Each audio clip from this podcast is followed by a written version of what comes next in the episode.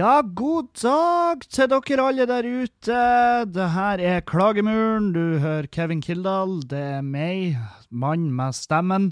Og det er mandag 1. oktober, og husleia di er forfalt.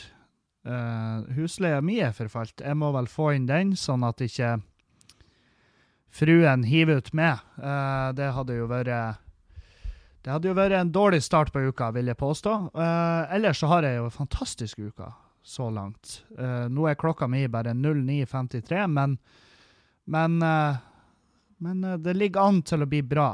Jeg har pitte Jeg jeg hadde en miniskul hodepine når jeg våkna. pitt, altså Ikke en sånn hodepine som du avlyser hele dagen for, sjøl om man ofte har lyst til det. Men det, det er da man det er da det handler om når man ligger i senga på en mandag morgen. Når du våkner, så er det jo da, da som gjelder å ikke høre på det sjøl. Fordi at alt du sier til deg sjøl, er bullshit. Det er sånn her Nei, herregud, trenger ikke å stå opp nå. Jeg er jo først litt dårlig. Uh, litt dårlig. Ring sjefen. Jeg ringer ikke sjefen. Jeg sender melding til sjefen, for det tror vi at sjefen setter pris på. Jeg har jo, Min sjef er jo meg sjøl og uh, Dragen. Og um, ingen av de godtar uh, en minihodepine som en unnskyldning til å ikke leve dagen. Så jeg er meg, drikker vann, for det er da som mangler. sant? Det er vann. Når du har vondt i hodet Jeg, jeg leste en plass at 95% av sånn vanlig hodepine er, i skyld av mangel på vann. Tenk på det. Og når du våkner og, har, og er fullsjuk For jeg er ikke fullsjuk, det er ikke det. Jeg bare har jeg har ikke drukket vann hele natt, og jeg drikker vann hele dagen, så av og til våkner jeg med litt sånn småhodepine. Og så tar jeg ei halv flaske vann, og så er jeg helt fin. Men når du er fullsjuk, og det kjennes ut som hodet ditt skal sprenges, sant? Det kjennes ut som at noen prøvde Altså, det kjennes ut som du er på tur å ha en sånn alien-fødsel i skallen din, sant? Det er der du er. Og den følelsen, når det kjennes ut som hjernen din pulserer ut av skallen din, det er fordi at hjernen din er dehydrert, så den, den trekker seg sammen. Og så, er det, og så får den rom til å bevege seg inni skallen din, og derfor har du hodepine. Det har jeg lest. Jeg vet ikke om det er sant, men jeg har lest det. Jeg kan ikke gi dere en link, men det kan vel googles. Alt kan googles. Det, det, er så jævlig Det er så sykt hvor folk bare har gitt opp å google ting og heller sender med meldinger. Um, og, og, og hvis, hvis, du er plaga med noen som bare ikke kan google ting, som ikke kan søke seg fram til et svar sjøl, så er det en jævlig artig side som heter Let me google that for you. lmgty.com, tror jeg det. Og Hvis du går inn der, så kan du google det for dem. Skriv inn søkeordet, og så får du en link, sånn at når de da åpner den linken, så de spør om Hei, hvor finner jeg podkasten din? Så jeg begynte å sende dem en sånn link. Og når de åpna den, så kommer det opp ei side, og så flytter musa seg opp til søkefeltet, og så skrives det inn Klagemuren podcast, og, så, og så trykkes det på search. Og så får de opp ei vanlig Google-side med alle svarene. Og det tar de jo som sarkasme, for det er jo faktisk akkurat da det er. Det er akkurat da det. Det er nedlatende, for det er meninga, fordi at det er lov å google ting. Um, men ja, hvor var jeg? Jo, hodepine. Jeg har i hvert fall lest det, at det er fordi at hjernen din trekker seg sammen. Når det kjennes egentlig ut som han sprenges ut av skallen din. Det er litt artig. Det er noe å tenke på. Det er noe å ha i hodet, som en hjerne. Uh, jeg har nytt en, uh, en havregrøt fra, fra Easy Life, og uh, vann ifra sprengen. Og det er så godt med vann. Det er faen meg undervurdert. Hvertfall, altså, vann er jo ikke godt når du får det trødd ned i kjeften, ikke velvillig, men vann er så fantastisk godt når, du, når det er akkurat det du trenger. Det er, det er sånn her Det er en, det er en, det er en blowjob du kan gi deg sjøl. Og er det ikke det vi alle vil? Er det ikke det vi alle søker etter? en blowjob vi kan gi oss sjøl. Alle gutter har prøvd. Alle gutter har prøvd. På et eller annet tidspunkt har vi prøvd å suge oss sjøl, og um, ikke mange har greid det. Um, hvis du har greid det, ikke send meg et bilde av det. det. Det har jeg faktisk mottatt på Snap. Og derfor, ikke bare derfor, men jeg har stengt snappen min for mottagende. Altså, jeg klarer ikke Jeg kan ikke motta meldinger fra alle. Og det er rett og slett fordi at eh, etter Snapchaten min ble eh, så, såkalt offisiell, eh, så har jeg mottatt et sånn røftlig mottar jeg 500-600 snap av dagen. Og det er veldig mange fra utlandet. Frankrike, Saudi-Arabia, uh, Italia, USA um, USA går greit, for jeg skjønner i hvert fall språket, men casen er jo at det er jævlig irriterende, for det her er folk som eh, ikke trenger i livet mitt. og det er bare piss de sender, og så fyller jeg opp datamengden min. For jeg har jo kontantkort fordi at er på grunn av mine tidligere økonomiske eskapader. Men i hvert fall, jeg har kontantkort, og da er det dyrt med data. Og da har ikke jeg data å avse til ei eller anna oppmerksomhetssjuk hurpa fra Frankrike på 14, sant? Um, og um, Så jeg har bare rett og slett stengt der. Så hvis dere vil kontakte meg, så er det på Facebook-sida mi, Kevin Kildahl, eller på Instagrammen min, Kevin Kildahl, eller på mailen, klagemurenpodcast.com. Nei, klagemurenpodcast.gmail.com. Jeg har ikke, jeg har ikke coina.com.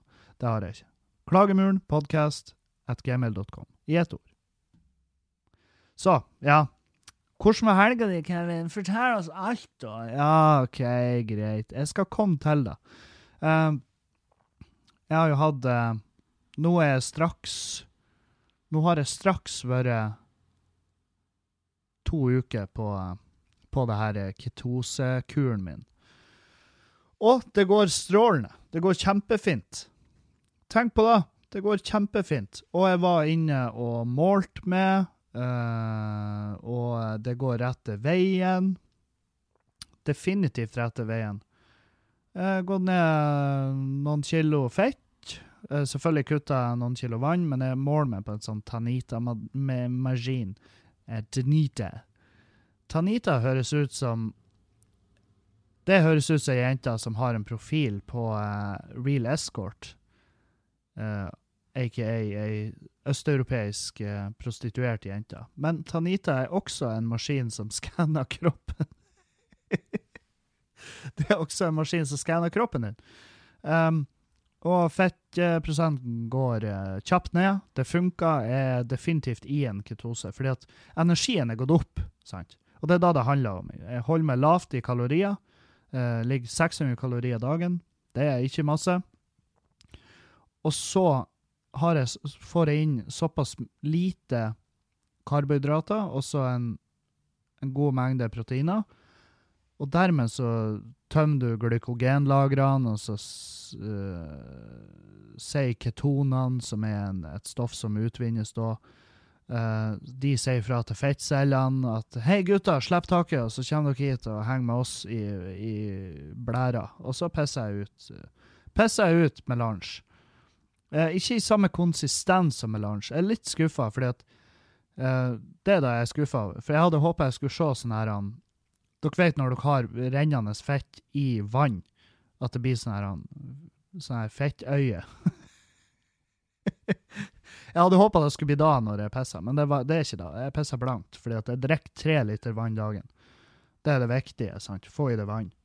Um, og jeg måtte ha lasta ned en vannapp for å holde følge på hvor mye vann jeg drikker, fordi at ene dagen så drakk jeg fire liter, og da det, det er ganske mye, sant? Det, da pipler det ut huden, liksom. Så um, Nei, så um, det går strålende. Det går rett til veien.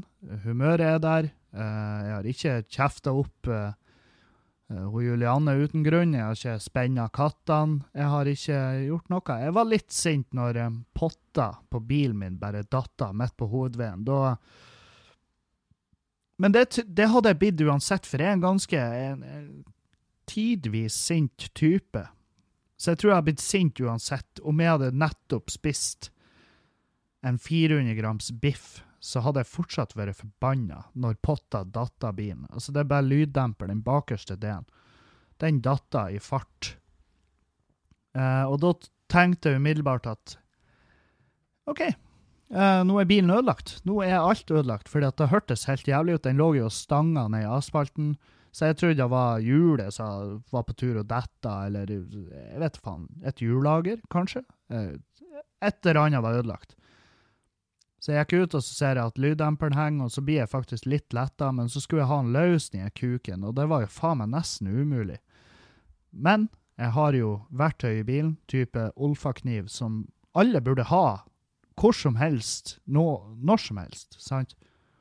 Så skjærte jeg løs den delen av bilen, og så slengte jeg den i bagasjerommet mens folk kjørte forbi og tuta og vinka og flira.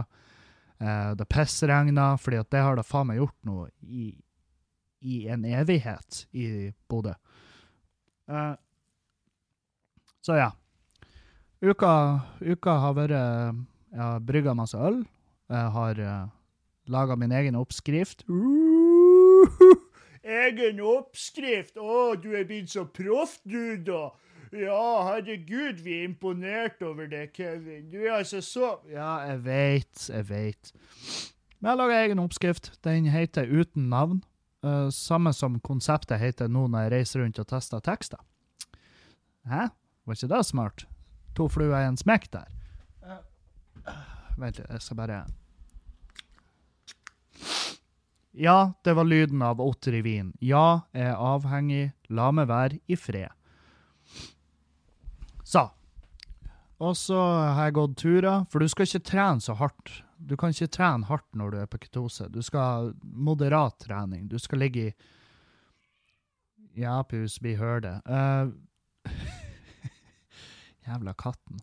Uh, nei, for du skal ligge i pulssona, liksom Du skal ligge mellom 140 og 160 i puls. Ikke noe så mye høyere, for da begynner, da begynner kroppen å hente energi fra musklene. Sant? Det, jeg vet ikke hva jeg snakker om, egentlig. Jeg, jeg bare tar det her for god fisk.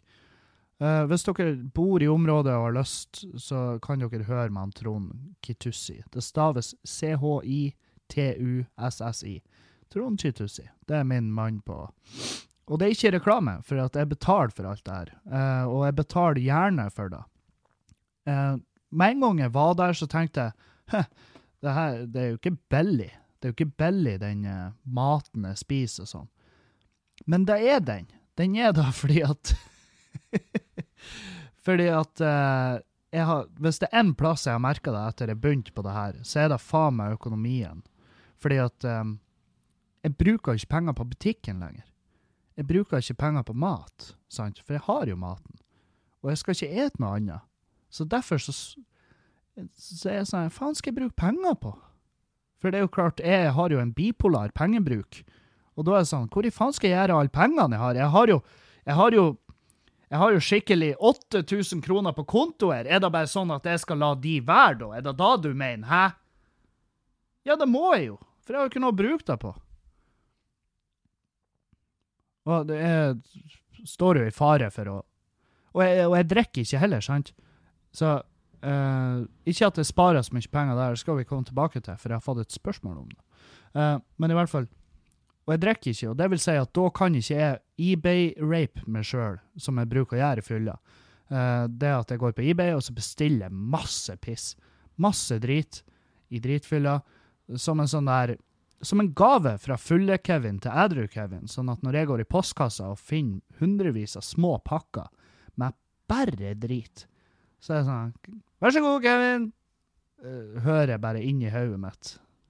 Og, og det har jeg ikke gjort, så, så nei. Det, det er bare tull. Fordi at uh, La oss si ei helg, da. Hvis jeg drikker ei helg i Bodø uh, og ikke har noe show, så betaler jeg for alkoholen sjøl, og så um, og så, ja, så drikker jeg for 700 til 1000 kroner på byen. Taxi 200 kroner. Eh, mat 200 kroner. Dagen derpå mat, bestill, få levert på døra, fordi at jeg skal ikke ut ytterdøra for å møte mennesker. Det er uaktuelt. Jeg skal ikke kjøre noen jævla bil. Så jeg bestiller mat hjem. Eh, og da bestiller jeg til fruen òg. Eh, 600-700 kroner. Sant? Pengene de bare flyr ut vinduet når jeg drikker. Så nå er jeg bare edru.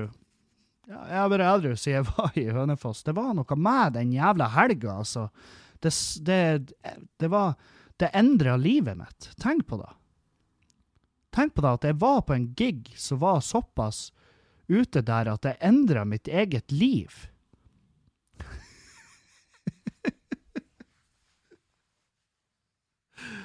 Å, det, det, er så, det er så spesielt å tenke på at faen, det skulle Det var det som skulle til. Jeg måtte nedover dit, sette meg i en uh, hummer i lag med hummerlimo i lag med noen hookerter, for at jeg skulle for at jeg skulle innse at faen, Kevin, nå må du faen meg ta tak i ting. Nå må du, nå må du endre noe, for du kan ikke leve sånn som det her. Du kan ikke være sånn. Du kan ikke være det her mennesket. Og jeg bare Ja, ja, herregud, jeg må selvfølgelig. Og da var det deilig. Da var det kjempegodt. Fy faen. Og det å sitte på en mandag og ikke, og ikke Selvfølgelig, jeg, jeg blir jo ikke slutt å drikke. Jeg savner jo Jeg, jeg kjenner jo på lysta. Men og, og jeg, ikke, jeg skal ikke gå 100% ærlig, men jeg, det har jo ligget i kortene at jeg har måttet roe ned og drikke. sant? Og det er ikke noe All spøk til sides. Uh, og det var jo ikke i selve Hønefoss, men jeg gikk på en psykisk smell den helga. Det ble for mye.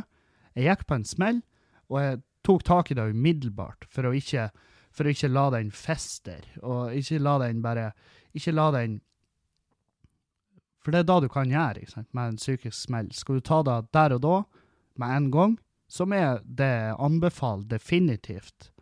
Um, skal du angripe det der og da, eller skal du vente til du er i behagelige omgivelser, og så um, og du føler for deg sjøl, og, og, så går løs på det. Problemet er at da tar gjerne fem-seks dager etter det bruddet du har hatt, sant? og da kan det være mye verre. Så jeg angriper ting umiddelbart som er, fordi at jeg er klok av skade, og det gjorde jeg etter Hønefoss. Da var det sånn Nei, nå må det faen meg endringer til. Jeg må roe ned. Um, det kan ikke være sånn her. Og jeg er jævlig glad for det. Fy faen, jeg er glad for det. Så um, alt i alt så er jeg veldig glad jeg tok den gigen.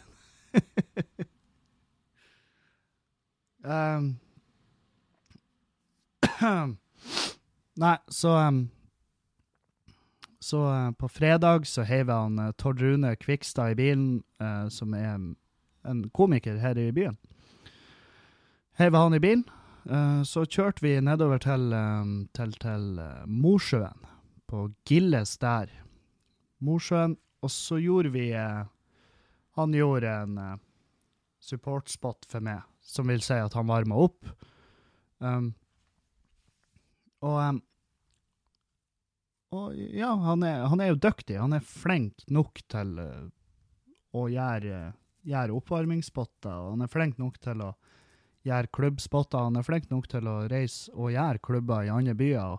og det er derfor det er veldig behagelig å reise med han, for han, er jo en, han er jo i grenseland Asperger, så det, det, er ikke så mye styr med han.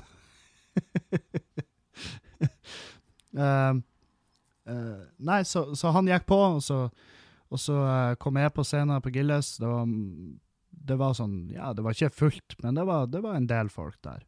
Og um, gikk på og gjorde drittliv. Um, og det var en fantastisk crowd. Helvete for et bra publikum.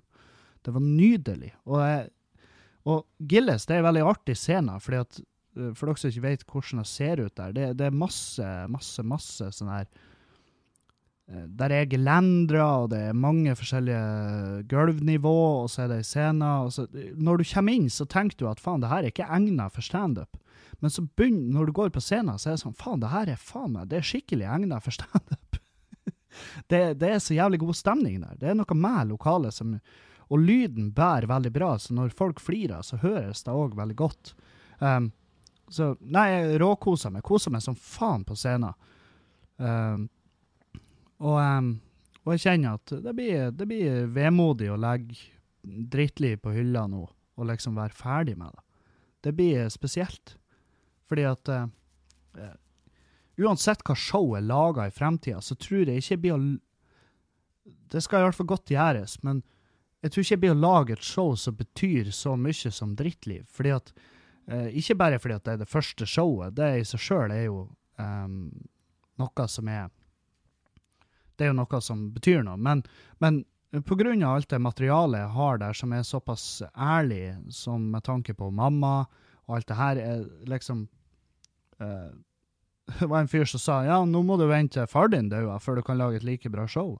Og det er uh, ment som en vits, men det er faen meg det, det, er ikke så langt ifra sannheten. fordi at um, på en måte så har jeg jo skutt meg sjøl i foten. Fordi at jeg, mitt neste show, Skamløs, det, det, har ja, definitivt mange ærlige, gravende deler, men ikke på samme måte, selvfølgelig. Fordi at på et eller annet tidspunkt så slipper du opp for, uh, for folk som dauer.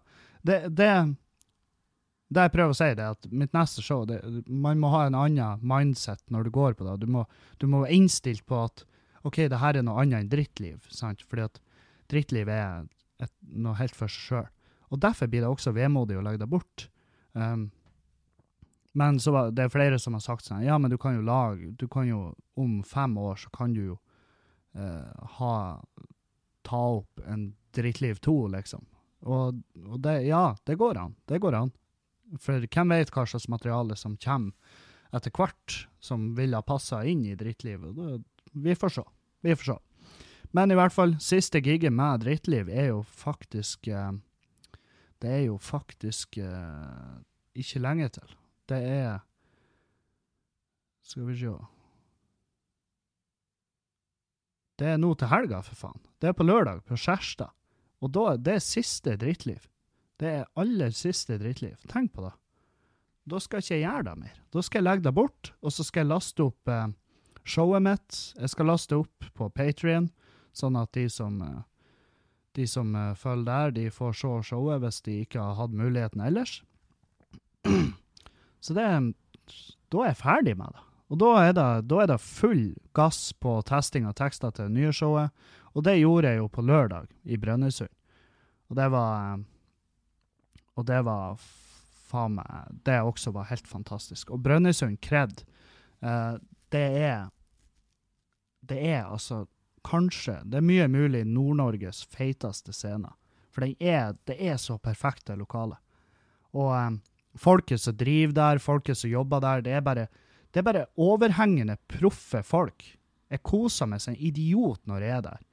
Det er, det er helt Det er helt vilt. Og um, jeg går på å bli møtt og tatt vare på, og um, får tilbudt mat. Uh, først takker jeg Her, jeg har juksa. Jeg, eller jeg har ikke juksa.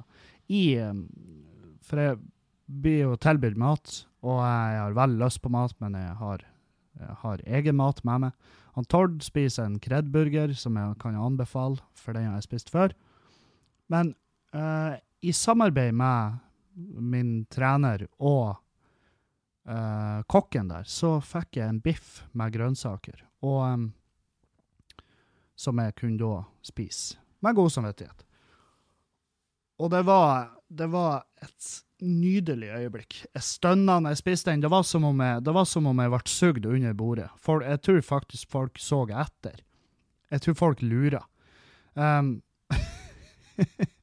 for det var så jævlig godt. Det, de laga en jævlig god biff, og i tillegg da er det så lenge siden jeg har spist såpass fast føde. Så um, Nei, det var, det var, bare et flott øyeblikk. Jeg nøyt den, jeg stønna den i meg. Og så begynte magen å jobbe med den, og da hørtes det Det hørtes ut som det var eh, Det hørtes ut som det var slåsskamp inni kroppen min. For at magen bare Hva faen er det her for noe? Fast føde? Kødda du? Hva med en liten heads up, sant? Um, så ja, jeg beklager til magen min.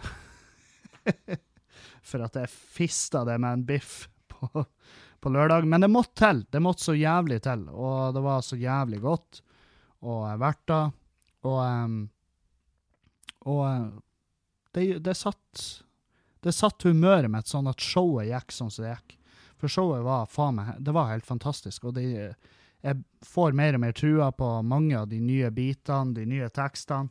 De funka.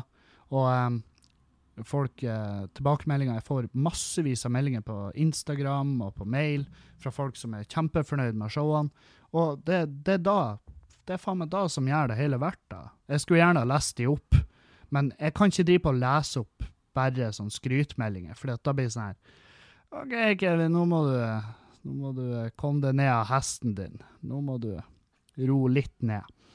Uh, for hvem som vil høre om skryt? Altså, jeg elsker å motta skryt, ja, men det er jo ingen andre som vil høre om skryt til andre mennesker, sant? Det er jo det kjipeste vi vet. Å være i La oss si du er på mandagsmøte, og så er sjefen din og bare Ja, nå vil jeg at vi alle skal gi en liten applaus til Karina. Karina har gjort en knalljobb siste uka, og hvis alle kunne vært som Karina, så hadde firmaet her vært en gasellebedrift. Applaus, Karina. OK, kan ikke du reise til Karina? Kan ikke du reise til så alle kan hate? Ja, ja, gjør noe. Sant? Det er ingen som bryr seg. Ingen vil høre det skryt. Åh, ingen vil høre det skryte. Og ingen vil jo egentlig på skolegjenforening. Hæ? For en overgang, Kevin. Ja, jeg veit. Uh, fordi at jeg kom til å tenke på det i helga, at faen, vi har ikke hatt noe gjenforening fra ungdomsskolen. Og ikke ville ha det heller. Fordi at uh, Hvorfor skal vi da? Hvorfor? Er det noen grunn? Fordi at de som er, de som er på en måte De som jeg trenger å ha kontakt med etter ungdomsskolen, de har jeg kontakt med, og de møter uh, frequently. Altså, jeg møter dem på en Ikke en regelmessig basis, men Men jeg møter dem. Og eh, resten av gjengen, det tror jeg ikke Jeg har ikke noe sånn hastverk. Jeg tror ikke det har blitt en bra fest. Jeg tror det har blitt masse konfrontasjoner. Fordi at um, um, På ungdomsskolen så var jeg en pikk. Jeg var en kuk. Jeg var uh, Tidvis så mobba jeg. Jeg gjorde det. Og, um, og jeg har jo hatt min Jeg har hatt en sånn runde hvor jeg har sagt unnskyld til masse folk i ettertid, hvor jeg bare sendte melding og bare Hei, du trenger ikke å svare på det her, jeg vil bare si sorry for måten jeg har vært mot det som menneske på ungdomsskolen. Jeg vet at noen av dagene gjorde jeg veldig tøff for det, og bla, bla. Og det er fordi at når jeg var Når jeg begynte på ungdomsskolen, så var jeg Jeg har bestandig vært en raring, en spesiell type, og eh, blir lagt merke til. Um, og jeg kom på ungdomsskolen, og jeg gikk i pappa sin sånn her villmarks-T-skjorte. For han aborter, uh, abortert, det er jo ikke det, det rette ordet. han abonnerte, helvete. Pappa aborterte um, i seinere tid. Nei, han abonnerte på Villmarksliv. Um, og da fikk han uh, ti T-skjorter som var grå. Altså, dere vet sånn her grå, sånn bellygrå skjorte. Eh, grå, med bilder av ei hagle og ei rype altså, og en tursjekk, og så sto det 'På jakten av det gode liv'. Og de her T-skjortene, de, dro, de, de, de la jeg min elsk på. Og jeg begynte å gå med de, og jeg gikk med kun de. Og det er klart, når han hadde ti stykk, så var det jo ingen problem bestand, å kunne ha den skjorta på seg hver dag hele uka. Um, og veldig ofte så brukte jeg den samme skjorta òg, flere dager. Og jeg var i, jeg var i uh, puberteten, uh, for å si det mildt. Uh, jeg hadde en forferdelig sånn pubusbart, sånn moped, sånn kebabbart, som mange kaller det. den var det er pistrete, tynn bart. Uh, ikke særlig sexy, men i hvert fall Jeg hadde den, jeg hadde skjorta, uh, jeg hadde fæle sko, og jeg svetta. Og jeg var ikke flink med personlig hygiene, så jeg lukta jo faen meg kompost. Uh, og jeg fikk høre det. Jeg fikk, um, jeg fikk høre det fra mine medelever, og, um, og jeg bærer ikke noe nag for det heller, fordi at Uh, ja, man skal ikke plage. Man skal ikke plage. Det er selvfølgelig. Jeg, ikke, jeg sier ikke at jeg er for mobbing. Man skal ikke plage. Uh, man kan si ifra om ting på en skikkelig måte, og det var flere som egentlig kunne ha gjort det. Men problemet var at jeg tok det ikke sånn til meg. Jeg ble jo selvfølgelig sint, jeg ble lei meg, men jeg, jeg bærer ikke noe preg av det i dag, føler jeg. Men jeg kom jo til et punkt der jeg innså at faen, jeg er jo faktisk sterkere enn mange her. Jeg er kjappere i kjeften enn mange her. Og jeg har en, jeg har en fæl jeg har en fæl egenskap at jeg bare ser Jeg kan, jeg kan føle på meg hvor er det mennesker ikke liker å bli trykt sånn nervemessig, sånn eh, følelsesmessig. Så jeg kunne angripe tilbake. Og til slutt så gikk jeg fra å være mobba til å bli en eh, mobber. Så jeg var, jeg var rett og slett en mobber, og jeg innrømmer det. Eh, og, og det er også en viktig ting, tror jeg, for at veldig mange som sånn rent, rent statistisk sett, så er det mange som hører på den podkasten her, som har mobba. Og det jeg, anbefaler å ta den runden og si unnskyld, fordi at eh, det er det eneste du kan gjøre. Det er det eneste du kan gjøre. Enten eh, flere av de jeg sa unnskyld til, sa, skrev melding og sa at Hei, Kevin, setter veldig pris på den meldinga, uh, men jeg håper du forstår at jeg kan ikke bare tilgi det. Uh, og det, er- det er min byrde å bære. Det er min, det er min vekt å bære. Og den bærer jeg. Og det må jeg bare gjøre. Og jeg må gjøre det på den beste mulige måten. Og jeg tror den beste mulige måten er å prate om det. Um, og, um, og innrømme det. Sant? Så, og jeg bærer, selv om jeg ikke bærer noe nag til de som var fæle med meg til tider, fordi at jeg, jeg bryr meg ikke. Det, det sitter ikke i meg, men jeg vet at mange, for mange så, så går det så langt at Altså, det går jo faen meg så langt at flere, folk tar jo livet av seg, sant? Og det gjorde det jo selvfølgelig ikke med meg. Um, men hvem vet, det kunne jo skjedd. Og det viktige er at vi tar tak i det, at vi lærer av det. For det er ikke noe vi kan gjøre med det som har skjedd, annet enn å si hei, bare så du vet det, jeg tenker mye på hvordan jeg har oppført meg, jeg beklager, jeg vet at da ikke gjør alt bedre, men det er i hvert fall noe. Og så jeg anbefaler, gjør det. Uh, og derfor vil Og derfor vil ikke jeg på en gjenforening. For jeg tror ikke jeg har blitt like glad for å se alle, og jeg tror i hvert fall ikke alle har blitt like glad for å se meg. Og, em, og, em, og jeg er ikke klar for å ta Jeg er ikke klar for å bli eh, Fordi at gjenforening skal jo egentlig være kos. Du skal jo fære ut og bare kose deg i lag med med gamle klassekamerater, men jeg tror ikke det har blitt sånn. Jeg tror det har blitt et, en helvetes kalas. Helvetes fest. Og mye krangling. Jeg tror det har blitt masse konfrontering. Og, em, og det er jo ikke det. Jeg får ikke, jeg får ikke fra Bodø og dit for å bli konfrontert.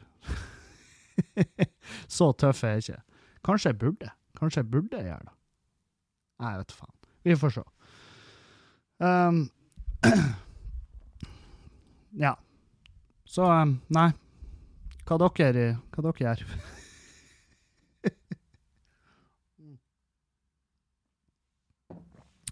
Eh, er han Erlend har prata om å gjøre en live podkast?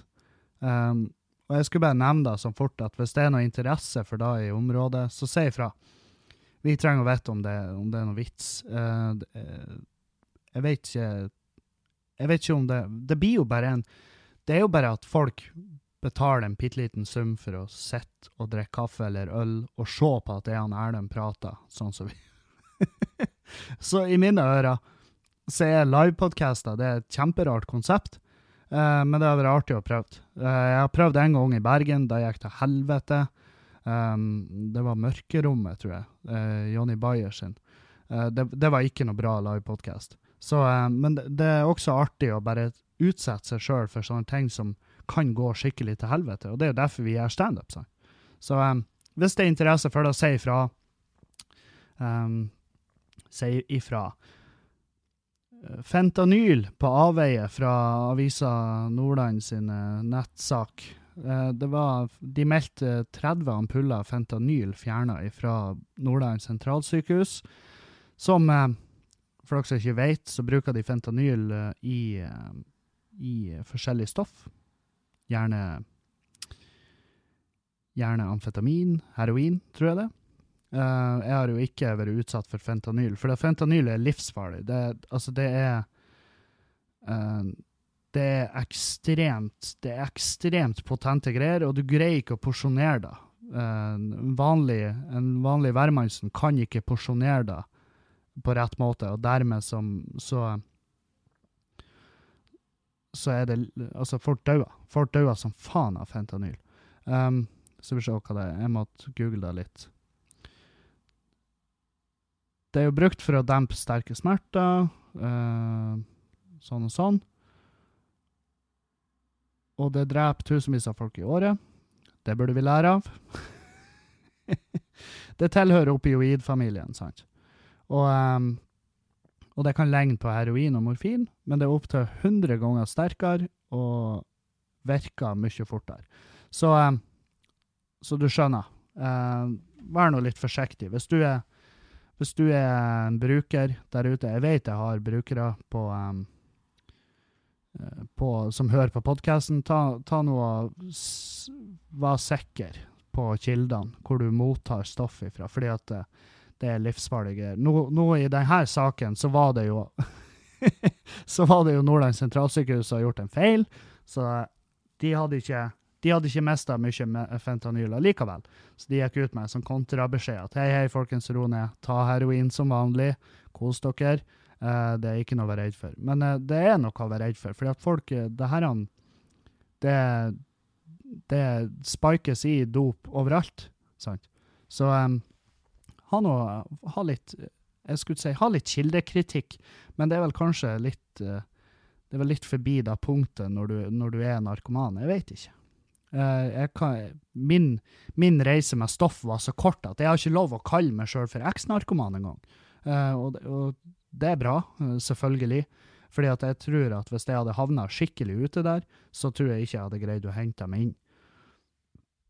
Jeg tror ikke jeg har hatt psyken til det, å hente meg inn. Så, så Men selvfølgelig, hvis jeg hadde greid å hente meg inn, så hadde det jo vært ei gullgruve. Jeg vet jo, der er jo komikere som lever fett på å ha vært eks-narkoman. Eh, fordi at det er, en, det er, et helt eget arbeidsmarked. Så kynisk skulle jeg ha vært. For jeg er faen meg jeg er en kynisk type. Jeg, eh, jeg, gjør veldig mye på bakgrunn av hvordan det kan gagne meg. Og jeg prøver, og jeg tar jo tak i det, fordi at jeg prøver å bli en bedre fyr generelt.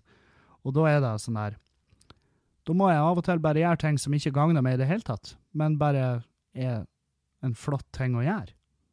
Tenk på det. Kanskje vi alle skal gjøre det.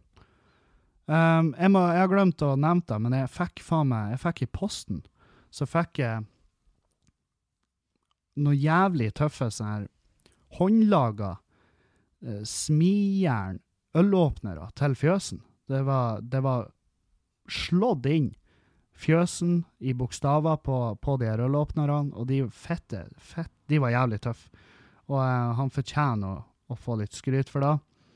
Uh, Rasmus uh, Loen Stensgaard. Han, har, han gjør sånn her type arbeid. Praktisk og håndlag til hus, hytte og hage. Follo museum, Drøbak. loensmed.no. Der, der har han masse rart tydeligvis. Altså, han, han, gjør sånn type arbeid, og han fortjener en shout-out fordi at uh, han sendte meg de der. Um, og um, de er flittig brukt allerede, og folk syns de er tøffe. Så det, det fortjener han å høre. Det fortjener han. Å, herregud, den siste uka på Det har vært så mye rart nå. Uh, smartmålere, det er, jo sånn, det er jo det nye. Smartmålere er jo det nye. Uh, for dere som ikke vet hva det er, så er det jo at um, E-verket skal uh, installere uh, smartmålere i sikringsskapene våre. Og de her de sender, uh, de sender avlesninger fire ganger i døgnet til, til en sentral. Da, sant? Og så, um, er folk sånn her um, Folk klikker. Folk klikker. Folk blir helt gærne fordi at de tror det her er overvåkning. sant? Folk er fette tullete. De, det, det er på meg aluminiumsfoliehatten og bare Det her er, det, det er overvåkning, det er stråling. Stråling, faktisk. Har dere sett um, Har dere sett uh, Better Call Saul? Han er gærne broren hans som tror han er hypersensitiv mot elektrisitet og stråling. Sånn. Det, det er sånne folk. Altså, folk har påberopt seg den eh, diagnosen, som er jo noe som foregår i hodet. Um, og ja, jeg, hvis det er noen der ute nå som er, som er uh, hypersensitiv mot det her, så skjønner jeg ikke hvordan du greier å høre på podkasten, for det skal faktisk ikke være mulig hvis at smartmåleren er så sterk i strålinga si at det går utover det. Fordi at smartmåleren, han eh, For å si det bare fort Smartmåleren han sender fire ganger i døgnet, fire ganger, et signal på en halv watt. En halv watt. Mobiltelefoner jobber opp mot to watt kontinuerlig. Og denne mobiltelefonen setter vi med i hendene, vi har den i fjeset, vi har den under hodeputa vår, døgnet rundt.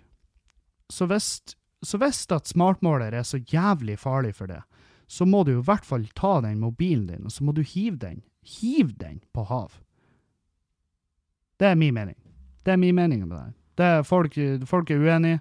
Det er en fyr som har gjort seg en kjempesak på Bodø nå, fordi at han har kutta Han nekta å få smartmåleren eh, installert i huset sitt, og Og det er for å beskytte familie og seg sjøl, ikke sant. Og um, men mobiltelefoner og iPader, det, det svømmer de sikkert i. Så det er jævlig artig hvor folk bare Nei, nei, det er ikke samme. Det blir ikke det samme. Du kan ikke sammenligne, Kevin. Du kan ikke sammenligne sånn. Det er ikke sånn det funker. Jo, det er faktisk akkurat sånn det funker. Det er samme type signal. Det, er bare lavere styrke fire ganger i døgnet. Hvis du ikke greier da, så burde du da burde du bo i ei strømløs hytte midt oppe på Saltfjellet. sant? Det er jo der du burde bo.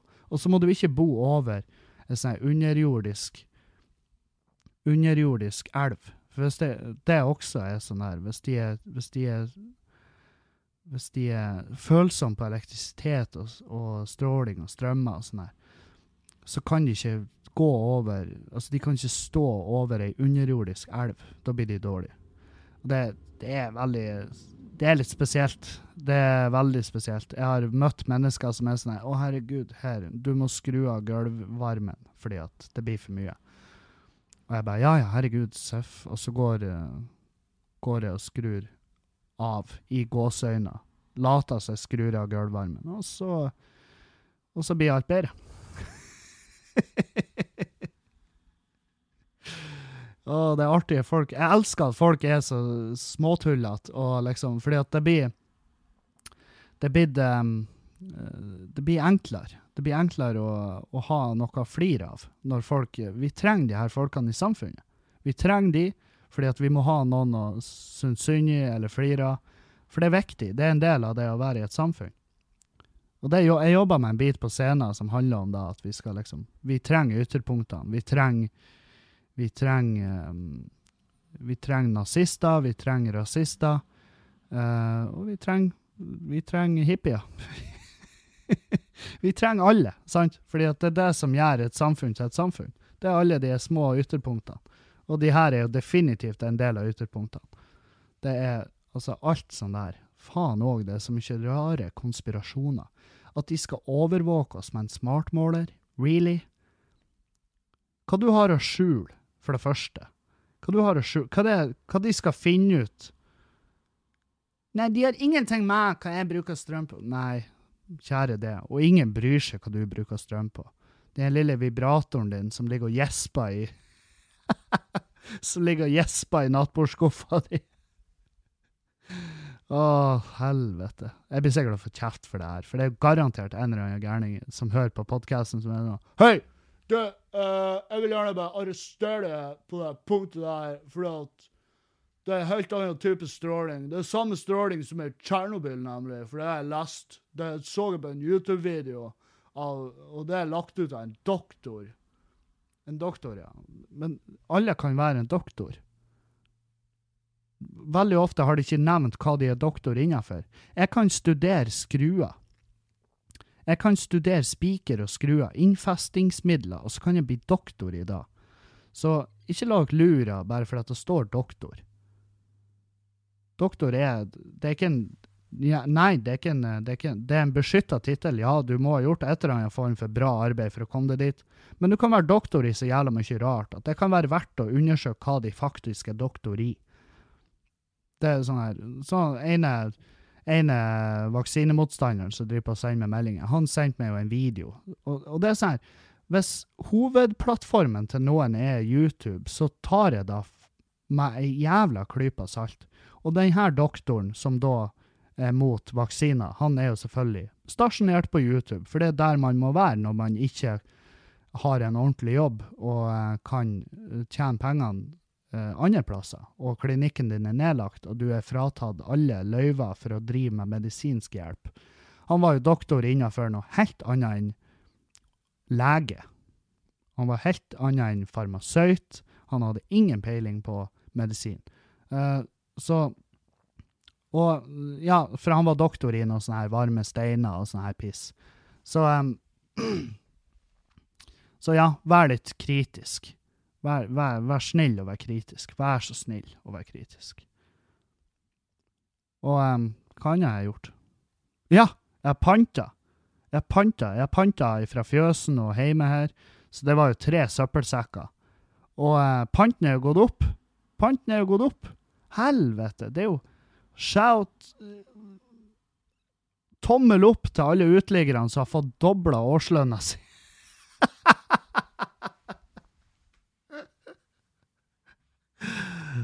Herregud, det var jo faen meg Nå er det jo artig å pante, hører dere. Jeg har, jeg har, gått rett i fella. Vi, vi, må, vi, må, øke det, sånn at folk syns det er artig å pante. Og det er faen meg sant! Det var jo faen meg penger i det. Jeg kunne jo kjøpe noe for det. Jeg kjøpte, jeg kjøpte vaskemiddel, jeg kjøpte lyspærer. Uh, jeg kjøpte ting for panten, som er rart. Og tre søppelsekker er jo vanligvis penger, men nå er det jo mye penger, så jeg er meget fornøyd med at de har økt panten. Det er, blir aldri å knørve noe pant og hive det i søpla igjen, for det er penger i det. Og um, ja, og hvis du ikke liker pant, gi det til et fotballag, gi det til uh, noen som trenger det, for det er mange sånne lag og foreninger som samler pant. Så uh, hvis du hater pant, bare kontakt noen av de, og i hvert fall nå når det er dobla. Jeg lover dere at de blir å digge det. Uh, min medfølelse går ut de, til de russegruppene eller de fotballagene som panta uka før det var som panteinn... Altså uka før de øka satsene. Det, dere skulle ha planlagt litt bedre, og det er garantert noen som får kjeft i dag for det, for det har jo skjedd. Sånn rent statistisk sett så er det jo en eller annen plass så har jeg et lag eller en forening panta uka før. og kunne hatt opp mot det dobbelte, uh, hadde de bare hadde de bare hatt litt is i magen. Så ja, min medfølelse går ut til dere. Ikke sånn enorm medfølelse. Jeg har mer medfølelse for folk som uh, blir påkjørt. Hei, Dan. Uh, folk som For folk som får huset sitt brent ned, og så viste det seg at de var akkurat for sene å betale hus, uh, forsikringa. Jeg har mer medfølelse for de enn de lag og foreningene, men, men selvfølgelig litt. Dere skal få litt. Um, ja, så nå til helga så er dritliv på Skjærstad. Og så skal jeg til Oslo. Det blir jævlig kos. Faen, jeg gleder meg. Jeg elsker å være i Oslo. Uh, det blir 26. og 27. oktober på Humorsalongen, som er Edder, Edderkoppen scene. Det blir fett. Det gleder jeg meg som faen til. Og uh, skal vi se Neste uke, 12. oktober, så har vi Fjøsen live. Uh, det er fortsatt billetter igjen, så bare si ifra. Um, uka etter der så har vi klubbkvelder i Standup Bodø med Magne Køste, Kjetil Melkevik, André Gjermann, Heidi Rønneid, Frida Andersen Uh, ja, that's it. Jævlig bra lineup. Jævlig fett. Uh, billettene er i salg allerede, så hvis du bor i området, ta og kjøp deg billetter til enten Nordlendingen, uh, Skubare eller Boyhacken på Rognan. i Rognan. På Rognan. Rognan. Da har jeg plugga litt der. Uh, har jeg. Det er viktig å plugge show, for det er jo, det er jo, uh, det er jo definitivt en del av det som handler om podkasten. For det, det, er jo for å fremme meg sjøl litt, sant. Så uh, å få plugga showene, det er viktig. Og for dere som syns det er kjedelig når jeg plugger show, bare bare hopp over, da. Men ikke kom til meg og sy ut og si at du skulle sagt ifra at jeg skulle til Oslo 26. og 27. Jeg sa det, men du spoler over, da, så da får du være fri. Uh, I uh, Oslo der, hvem det var jeg skulle stå i lag med? Uh, Foreløpig, i hvert fall. Det er jo en jævlig kul scene. Masse bra folk. Ja, jeg skal i lag med Hans Magne Skar og Marius Torkelsen, så det blir Det blir uten tvil en tøff kveld. Fy faen, jeg gleder meg. Fy faen, jeg gleder meg. Uh, en sak jeg så her som jeg syns var eh, fantastisk artig. Eh, Bodø nå, eh, vår alle kjære Bodø nå. Etter at sivilt politi tre ganger har stanset Svenja Kinnast på fire måneder uten å ta henne på noe, har frykten for å kjøre blitt for stor. Det føles som et overgrep, forteller hun. Svenja har blitt stoppet av sivilt politi tre ganger og rustestet to ganger siden mai. Det er et overgrep. Eh, det er vel ikke et overgrep. Eh, ikke sånn som jeg har forstått overgrep. Overgrep er vel ofte litt verre enn som så. Overgrep er vel noe som setter en uh, traume i det på alle mulige vis. Eh, noe sier meg at hun ikke har blitt utsatt for et overgrep eh, før. Eh, hvis dette er et overgrep, så tror jeg du skal være jævlig glad, Svenja. Men um, tre ganger på fire måneder, det er faen, det er ikke mye. Og hvis det er da som skal til for at du får for angst til å kjøre bil, så burde du ikke ha lappen. Og jeg vet ikke, føler hun seg forfulgt? Hva, hva, hva er egentlig saken her? For jeg, det er jævlig sjelden jeg har sett en så jævla ikke-sak i mitt liv. Det, det, det, er det dummeste jeg har hørt. Stoppa tre ganger på fire måneder. Nei, jeg nekter å kjøre bil! Jeg blir faktisk jeg blir trakassert av politiet i byen her. For at uh, jeg, kan ikke, jeg kan ikke Jeg kan ikke gå ut av huset mitt. Jo, det kan du. Det kan du. Du kan Hvis du har blitt stoppa tre ganger på fire måneder I Bodø så utdanner vi politi. Det er derfor det er masse kontroller her. For vi har politihøgskole her. Ja, det har vi. Sikkert noen som nå tenker 'Å, faen, det har vi jo faen'. Ja, og det er her vi lager politi. Vi lager de på et samlebånd. og så kommer det ei eller anna kusse og bare 'Nei, jeg vil stå på tre ganger. Tre. Jeg har ikke tid til å bli stoppa så mye av politiet. Er det sånn at når jeg skal ut og kjøre, så må jeg beregne meg et kvarter fordi at jeg skal bli stoppa i tillegg?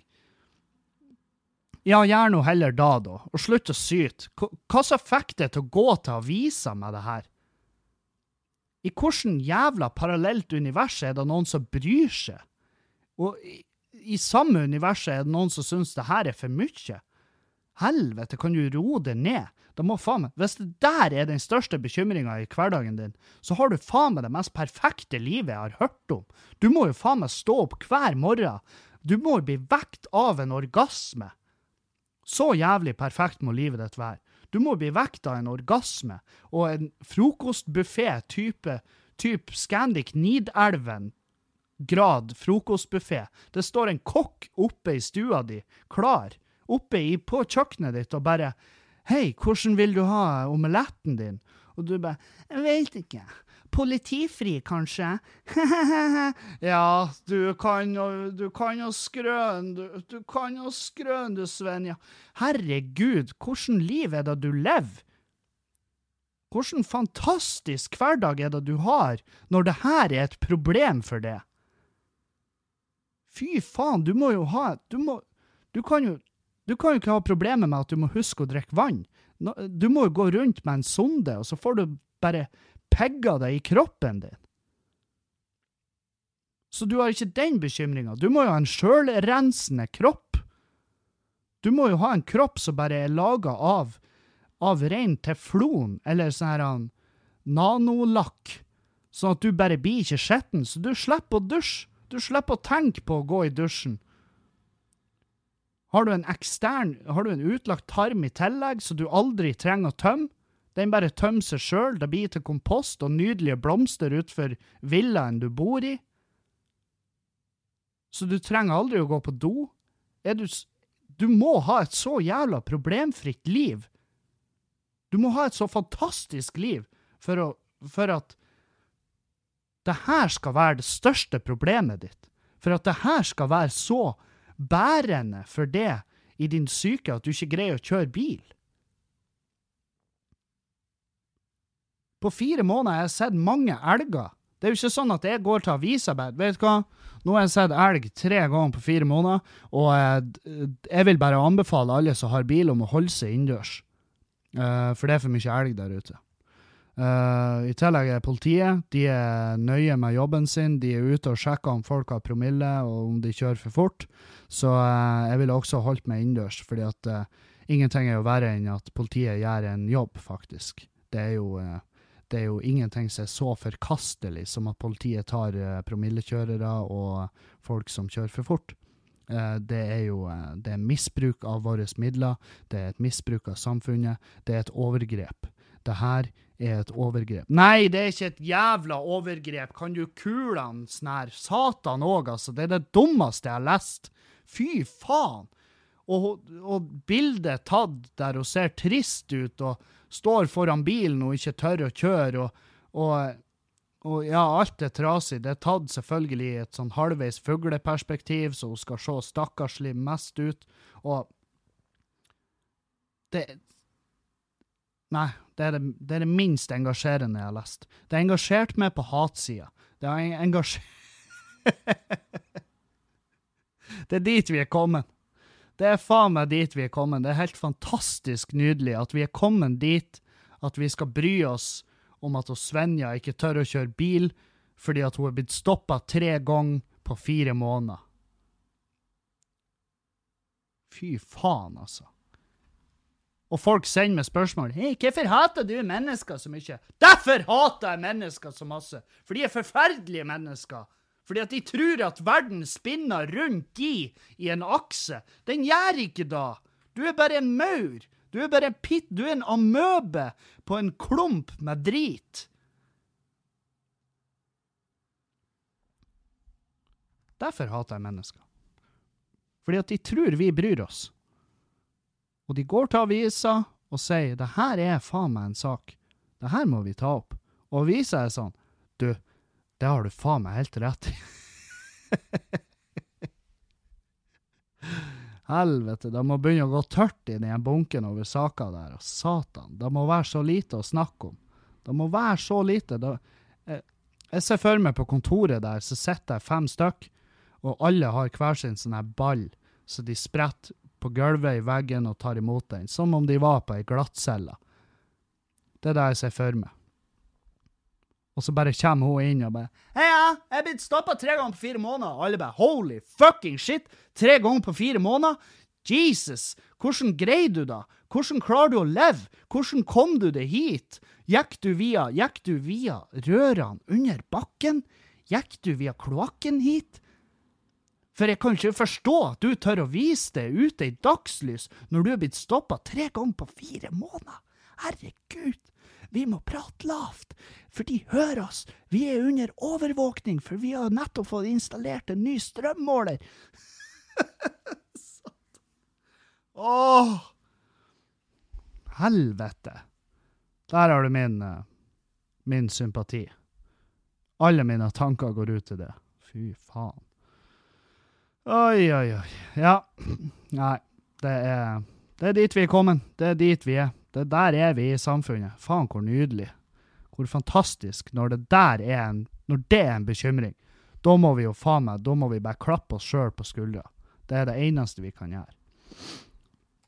Uh, skal vi se, ta noen spørsmål her før jeg sier noe veldig dumt, eller før jeg drapstruer noen. Hei, Kevin. Stor fan av podkasten siden nummer én, og nå også på Patrion. Takk for det. Jeg har et par ting jeg lurer på. Jeg, mistet eh, i fjor et familiemedlem til kreft, og har etter dette opplevd mye skit med arv osv. Etter dette har angsten min bare blitt verre og verre, og jeg har ikke turt å drikke alkohol på et år i frykt for å blekke helt ut og gjøre noe virkelig dumt. Um, spørsmålet igjen. Hvordan har dette vært for deg etter du mistet moren din? Um, vi um, Hvordan Hva det heter Han pappa sitter i et uskifta bo, tror jeg det heter. Så arv har ikke vært Det har ikke vært en issue.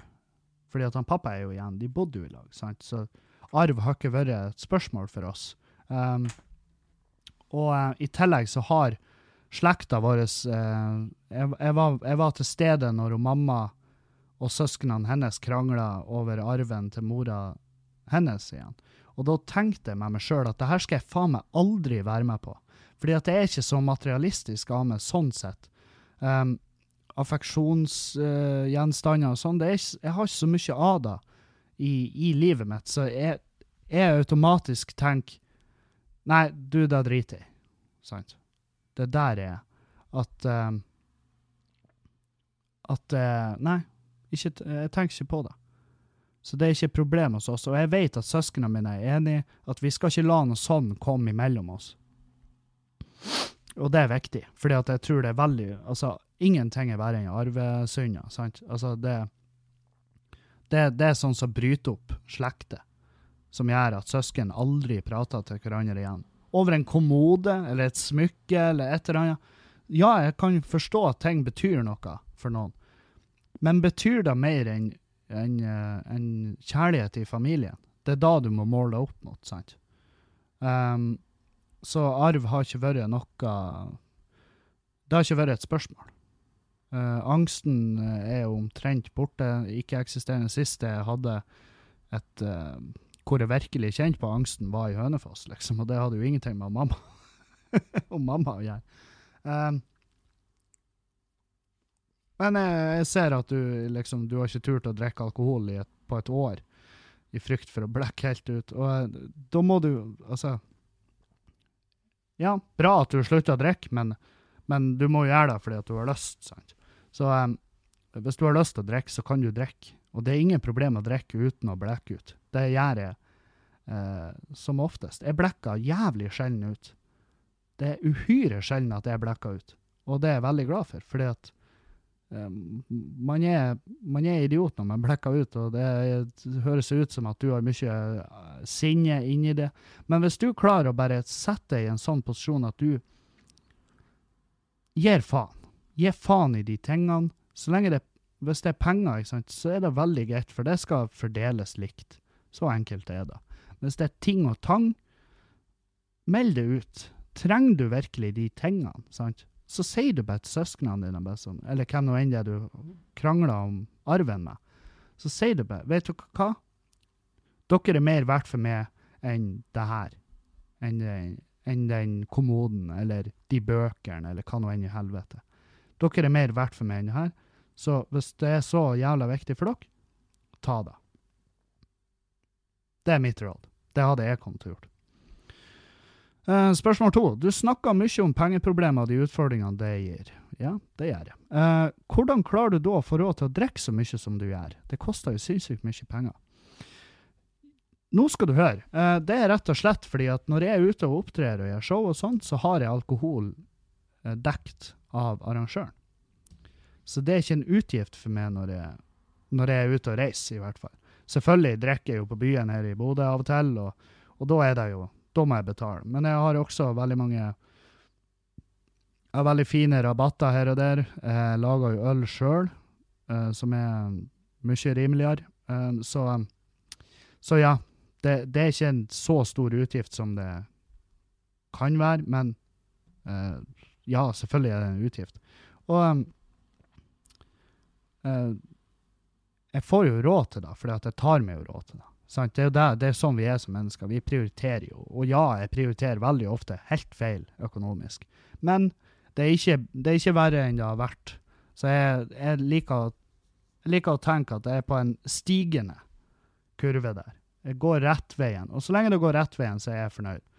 For det må gå rett veien. For nå har jeg mer ansvar. Jeg har en kjæreste. Vi skal en eller annen dag bo i et hus. Eller ei leilighet. Og da må jeg kun bidra. Så ja. Bra spørsmål. Eh, veldig bra spørsmål. Om du hadde våkna i morgen, i morgen og vært allergisk mot katt, hvordan hadde du og dragen takla det? Wow. Eh, det vil jeg egentlig ikke tenke på. Jeg har ikke lyst til å tenke på det, men eh, jeg tipper det hadde vi takla på den måten at enten så hadde jeg måttet flytte ut Eller um, jeg måtte ha gått på medisin. Jeg hadde bare måttet ha takle det. Jeg hadde måttet bare fått medisin og takla det. Uh, fordi at det sa hun veldig tidlig. um, faen, det, det, er en skummel tanke. Ville hun, ville hun Julianne ha spenna meg ut? Ville hun ha prioritert katter foran meg? Det er faen meg Øh, det er et ekkelt spørsmål. Jeg blir ikke å spørre henne. Jeg blir faen ikke å spørre henne. Eh, for det er et svar jeg ikke Av og til, noen spørsmål må du aldri stille, fordi at svaret kan være så knusende at du bare går, kommer deg aldri tilbake etter det. Så nei, nei takk, det svarer jeg ikke på. Kevin Kevin, knallartig podkast i dag og alle andre dager. Elsker spesielt crosspoder med Erlend. Så gøy. Så sinnssykt gøy. Takk for det. Når det gjelder spørsmålene i dagens pod, så er svar fra doktor Nordi sendt til Osnes, og dere tar vel det i neste pod. Ja, OK. Men hvis jeg kan få et spørsmål i retur Hvordan takler du sultfølelsen når du er på ketosediett og kun skal spise 600 kalorier daglig i flere uker? I perioder med skjerping så har jeg vært på 1300-1400 kalorier og holdt på å, rive, å bli riv ruskende gal av sult. Så interessant å høre Så interessert i å høre dine tanker og triks der. Og det hadde også vært interessant å høre deres tanker om kosthold og trening på veien. Det må være utfordrende å holde en linje når man er så mye på farten og er prisgitt den maten som serveres der man er, reisemat, spise på restaurant, hotellfrokoster osv. Så, videre. så hvordan angriper dere slikt? Håper på svar. Vi høres, doktor Hege. Hei, Hege. Takk for det. Um, Dette spørsmålet sendte jeg faktisk til treneren min, for å ikke si noe dumt. ikke sant? Fordi at, um, men uh, svaret jeg fikk fra han igjen, var uh, faktisk veldig likt det som jeg hadde skrevet på forhånd. Altså, det er sånn uh, Hvis du ligger Jeg ligger på 600 kalorier, men det er mye proteiner, og det er mye av de eh, vitaminene og de mineralene og alt det som kroppen min trenger. Uh, og så er det lavt i karbohydrater. Jeg får i meg rundt 60 gram, tror jeg det, dagen karbohydrater. Og da havner jeg i en, i en lett ketose. Det fins hardere ketosekurer enn det her, men da hadde ikke jeg fungert i hverdagen.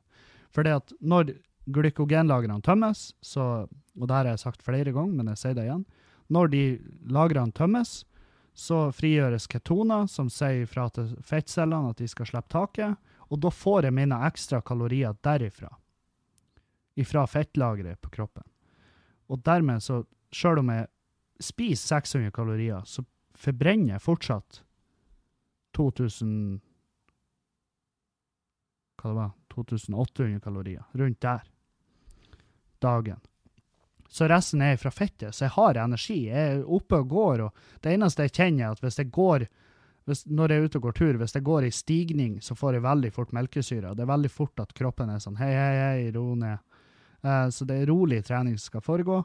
Um, nå har ikke jeg sett kostholdet ditt når du er på 1300-1400 kalorier, men jeg har sett på Instagrammen din at du er jo ei aktiv jente, du sprenger Oslo-mila og alt det her. Um, hvis du ligger på 1300-1400 kalorier, så er du jo ikke så langt unna da ei jente på din størrelse uh, har som basalbehov. Det er vel en 1800 kalorier. Så 1300-1400, da er du jo på et lite underskudd, og da vil, vil, du bli sulten, fordi at du er ikke i en ketose sånn som det er i, og da trenger du ikke å være fordi at du er såpass i form.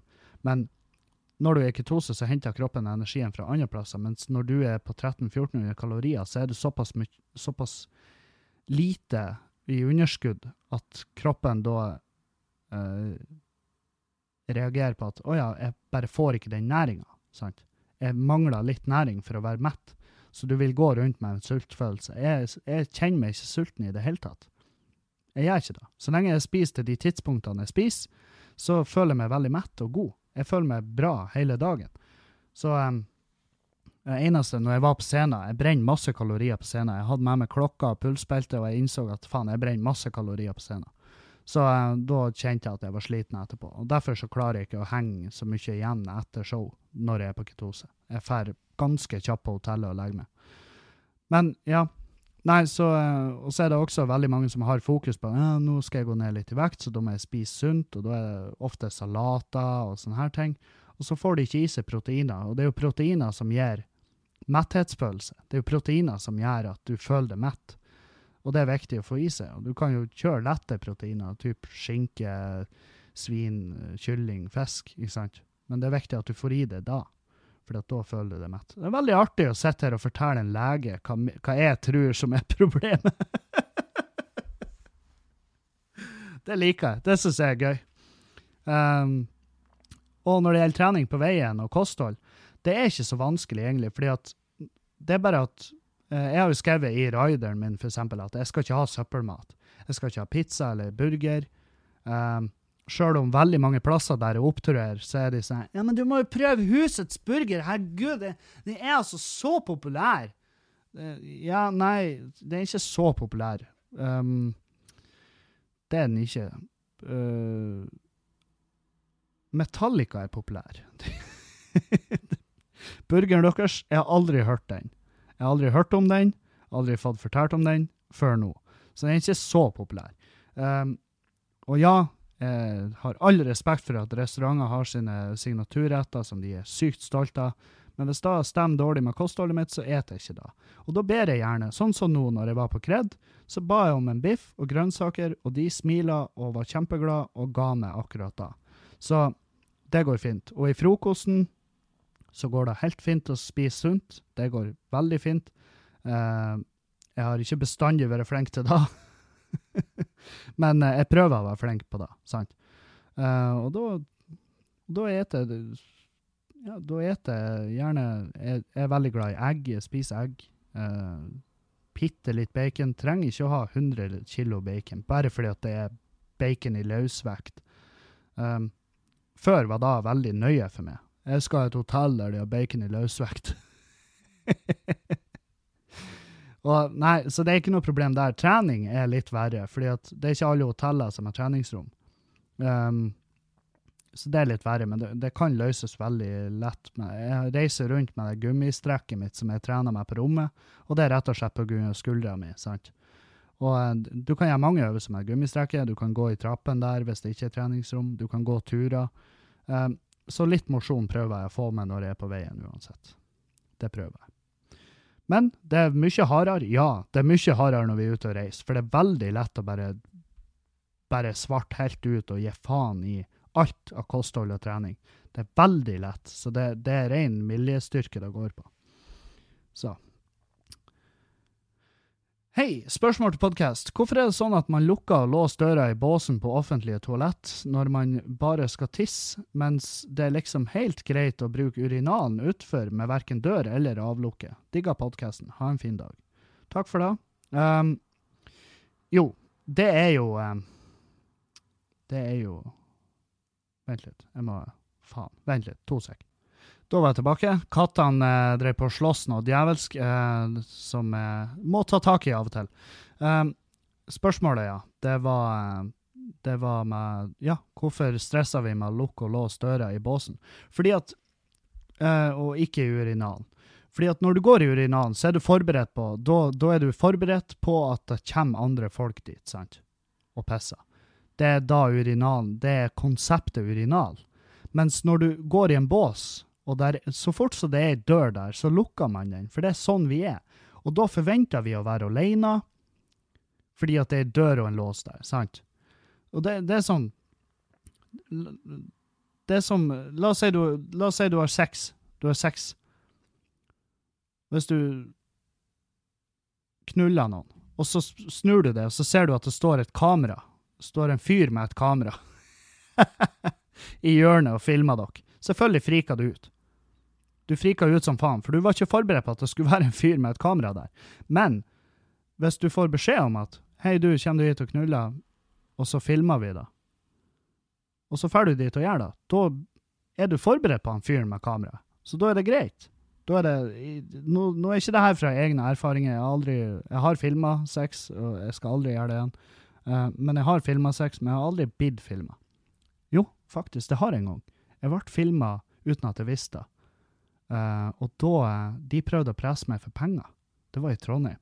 Um, jeg jeg takka nei til å betale, og så la de ut på nett, og så var det ingen som brydde seg. Men det var jævlig fett å bli utsatt for utpressing. Det var spesielt. Jeg hadde jo panikk. Um, ja. Nei, så jeg tror det er derfor. Fordi at du er ikke forberedt på det. Og, og, selvfølgelig låser du døra når du er i et avlukke, men du kan jo ikke låse ei dør når du står i et urinal. Og hvis du står i urinalen, så er du forberedt på at det kommer folk dit, og da bryr du deg ikke. Derfor står ikke jeg i urinalen, for jeg klarer ikke å pisse den andre mennesker. Hei, har et anonymt spørsmål til podkasten din i morgen. I dag.